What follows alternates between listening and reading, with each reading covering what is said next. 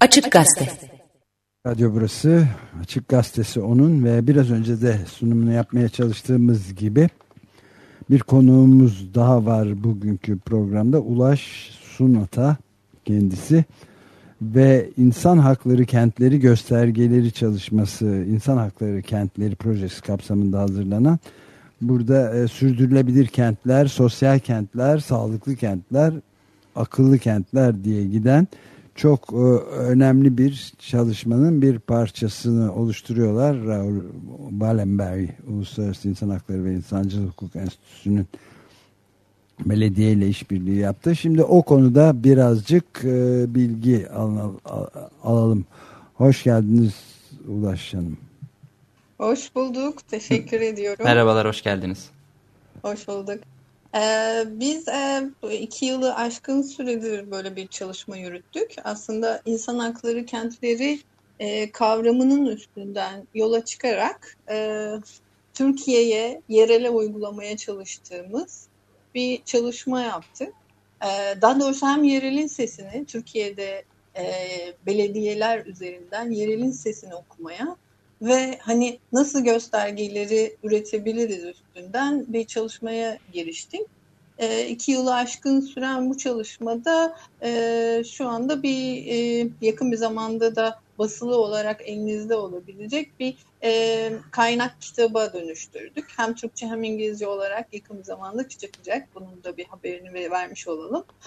E, insan hakları kentleri göstergeleri kapsamında biz beş tema belirlemiştik toplumsal cinsiyet, çocuk çocuk hakları, engellilik hakları, engelliler, e, yaşlılar, yaşlanma göstergeleri ve mülteciler.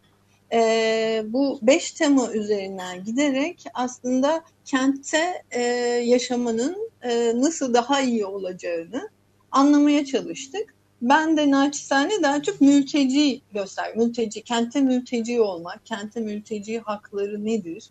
Ee, ve bunun göstergelerini nasıl üretebiliriz üstüne çalıştım aslında.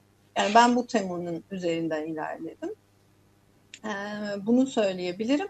Ee, burada tabii e, e, kolay bir çalışma olmadı. E, yoğun soluklu çalıştık. Çünkü hem e, Türkiye'de biliyorsunuz özellikle mülteci temasına yeniden ben girecek olursam mültecilik daha çok ve göç konusu aslında daha merkezi yönetimin yürüttüğü e, bir alan, göç alanı.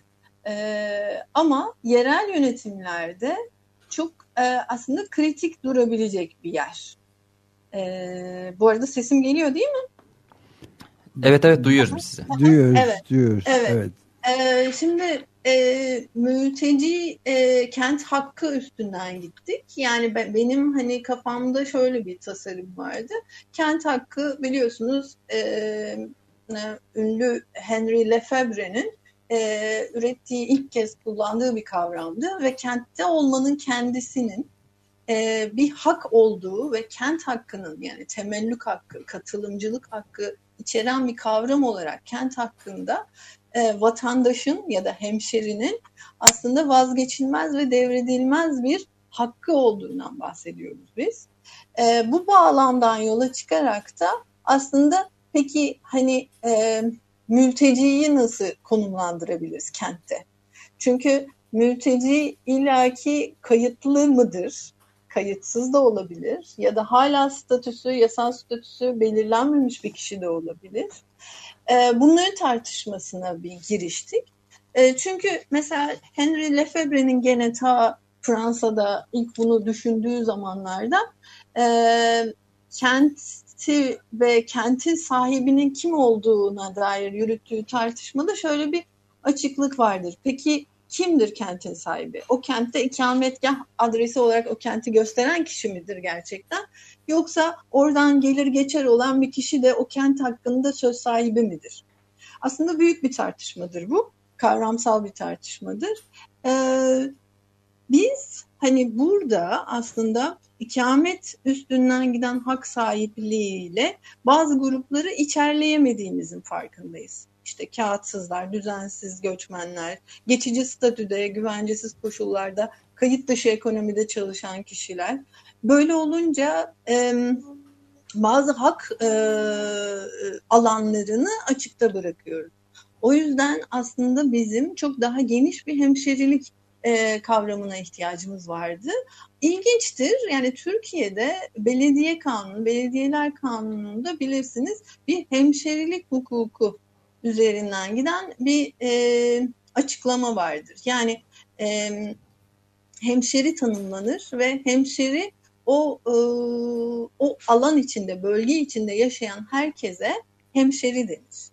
E, bu tanım yani aslında vatandaş olmayanları da içerleyen bir tanımdır ve belediyelerin aslında mülteci nüfusa da hizmet vermesi e, ne gerekli kırar. E, bu, bu kritik bir noktaydı aslında.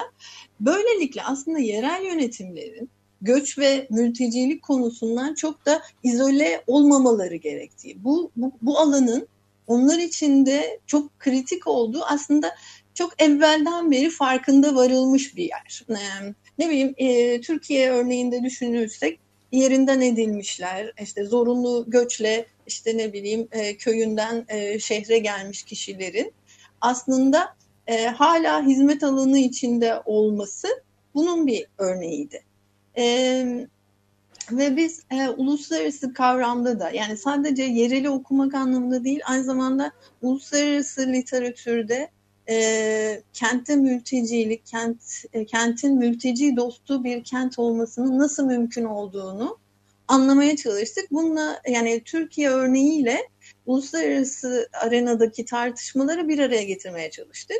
Bu anlamda da özel bir çalışma oldu tabii. Çünkü tam da e, Suriye krizi ertesi olduğu için biliyorsunuz Türkiye şu anda 3.6 milyon e, geçici koruma statüsü altında Suriyeli'nin yaşadığı bir ülke. Bunun dışında zaten hali hazırda bunlara da eklemlenerek çoğalan bir mülteci nüfusu var. E, o anlamda hani böyle Avrupa'nın sınırı, sınır bölgesi gibi. Bu da aslında olaya çok daha önemli yaklaşmamızı gerekli kıldı. Çünkü yani artık öyle bir noktadayız ki bazı yerelde, bazı e, şehir ve ilçelerde yüzde yirminin hatta yüzde ellinin e, normal nüfustan daha fazla mülteci barındıran bölgeler olduğunu görüyoruz yerelde Türkiye için. E, ben bu arada aldım sazı elime devam ediyorum ama. Ee, hani, şimdi hani, ben e, bir şey, estağfurullah bir şey sorayım o zaman. Yani ta 1968'de Fransa'da e, işte 68 olayları diye adlandırılan hem evet. Fransa'da hem de dünyanın dört bir tarafında bir isyan e, döneminde. Özellikle de Amerika Birleşik Devletleri'nde Berkeley'de Kaliforniya'da.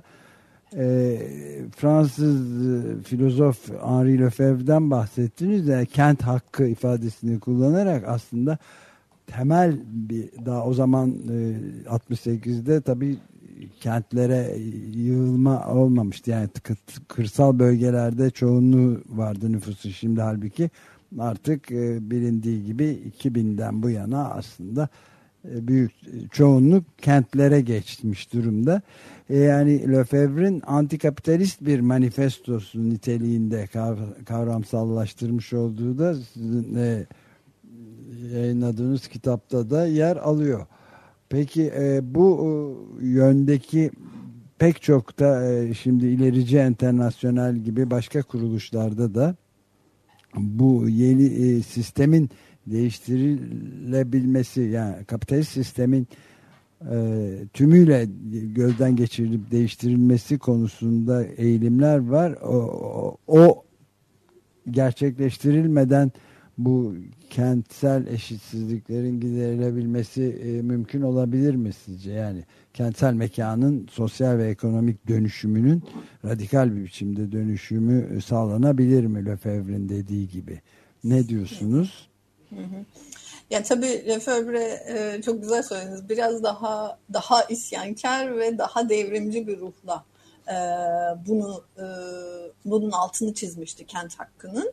E, tabii burada e, bu çalışma ölçeğinde aslında bizim yaptığımız tabii belli bir düzen içinde e, bunun okumasını yapıp daha iyiye nasıl gidilebilir? Daha reformist bir çerçeve okuyabilirsiniz tabii burada.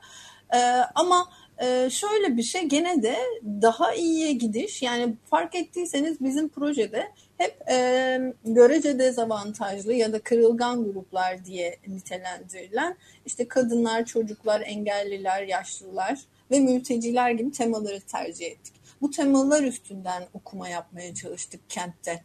Kent hakkını aslında biz e, bu temalar üstünden onların daha iyiye ulaşması için, daha dengeye ulaşması için e, bir yol haritası özellikle de belediyeler üstünden bu yol haritası nasıl mümkün olabilir? İyi belediyecilik, hani sosyal belediyecilik bu bağlamda nasıl bir yer edinebilir?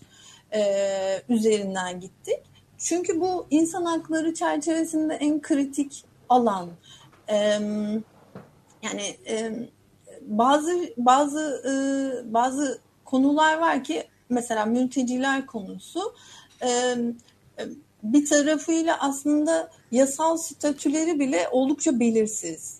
E, mülteci olmaların yani şimdi nasıl diyelim hani e, bir çeşit aslında bu bir kaçış ve kurtarma e, stratejisi olarak okunabilir tabii ki yerelde. E, ve bunu ama yani bir tarafıyla sadece yerele de sığdırmamak aslında. Çünkü mesela burada sadece mülteci temasını bile düşündüğümüzde bu e, Birleşmiş Milletler'in sürdürülebilir kalkınma amaçları çerçevesinde bunu e, oturttuğumuzda nedir? Sürdürülebilir şehir, e, yaşam alanları, insanın e, insanı e, yerleşimlerinin kapsayıcı, güvenli, dayanıklı ve sürdürülebilir kılınması anlamında kritiktir. Ya da ne bileyim amaç 10 eşitsizliklerin azaltılması başlığı aslında hem ülke içindeki eşitsizliklerin hem de ülkeler arasında işte bu göçmenlerin akışıyla birlikte ortaya daha çok çıkan eşitsizliklerin azaltılmasıyla. Ya da mülteci temasına gene özel olarak e, planlı ve iyi yönetilen göç politikaların uygulanmasıyla insanların sistemli, güvenli, düzenli ve sorumlu göçlerinin ve yer değiştirilmelerinin kolaylaştırılması. Şimdi bunların aslında yani insanı hareket edebilen bir özne olarak okuduğumuzda göçmen ve mülteciliği başka bir çerçeveye çekebiliyoruz. Aslında bu çok devrimci bir bakış. Kendiliğinden devrimci bir bakış.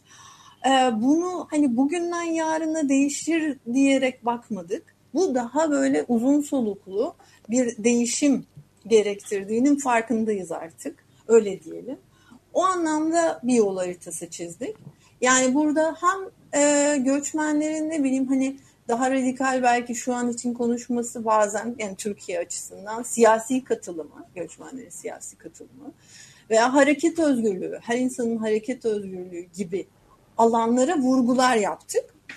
Ee, burada e, işin içine ne bileyim vatansızlık da girebiliyor değil mi? Ya da işte e, sürgünlük hali de girebiliyor. Evet. Ama burada kritik olan hakları olma hakkının her insanın göçmen dahil, mülteci dahil e, sürekli e, sürekli sorgulanabilir olması ama onu e, yani bu kentin de mekan üzerinden mülteci dostu kent nasıl mümkün? Sosyal kapsama bu kentte nasıl mümkün? Onu aramak e, aslında amaç.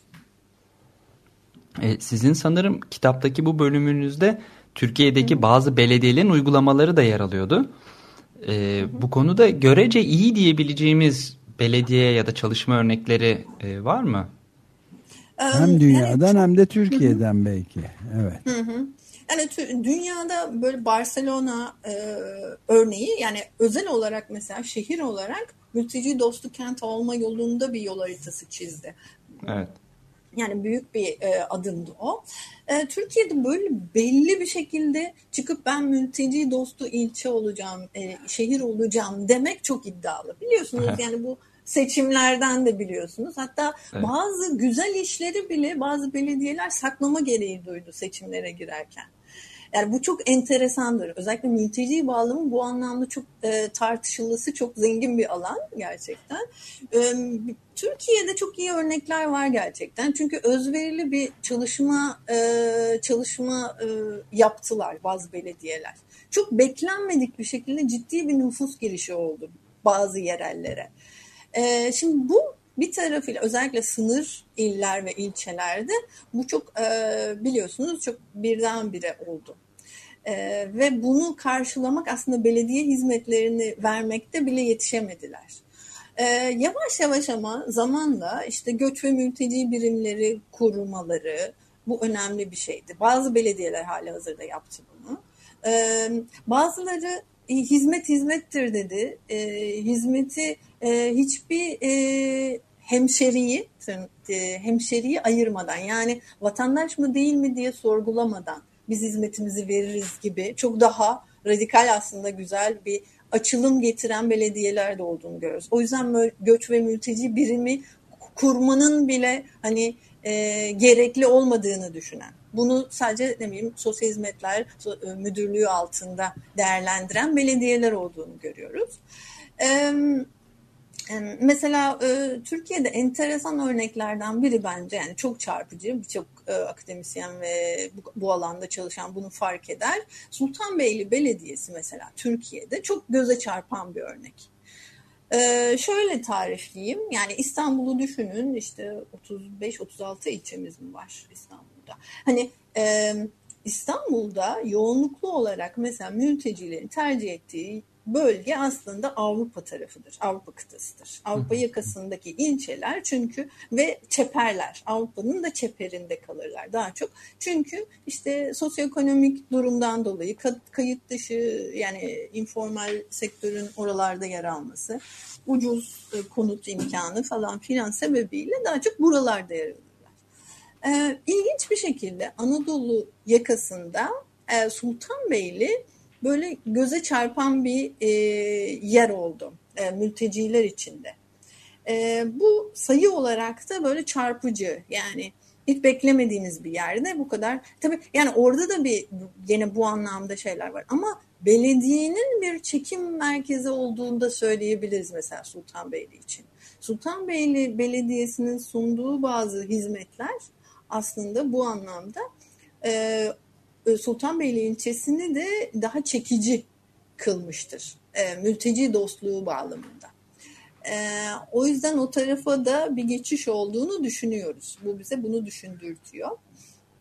E, bunun dışında e, Zeytinburnu Belediyesi yıllardır bir göç bağlamında e, biraz daha farklı bir noktada durdu. E, ve hani e, son yıllarda da gene hani e, bu anlamda ciddi adımlar attığını biliyoruz örneklerim böyle şu anda. ee,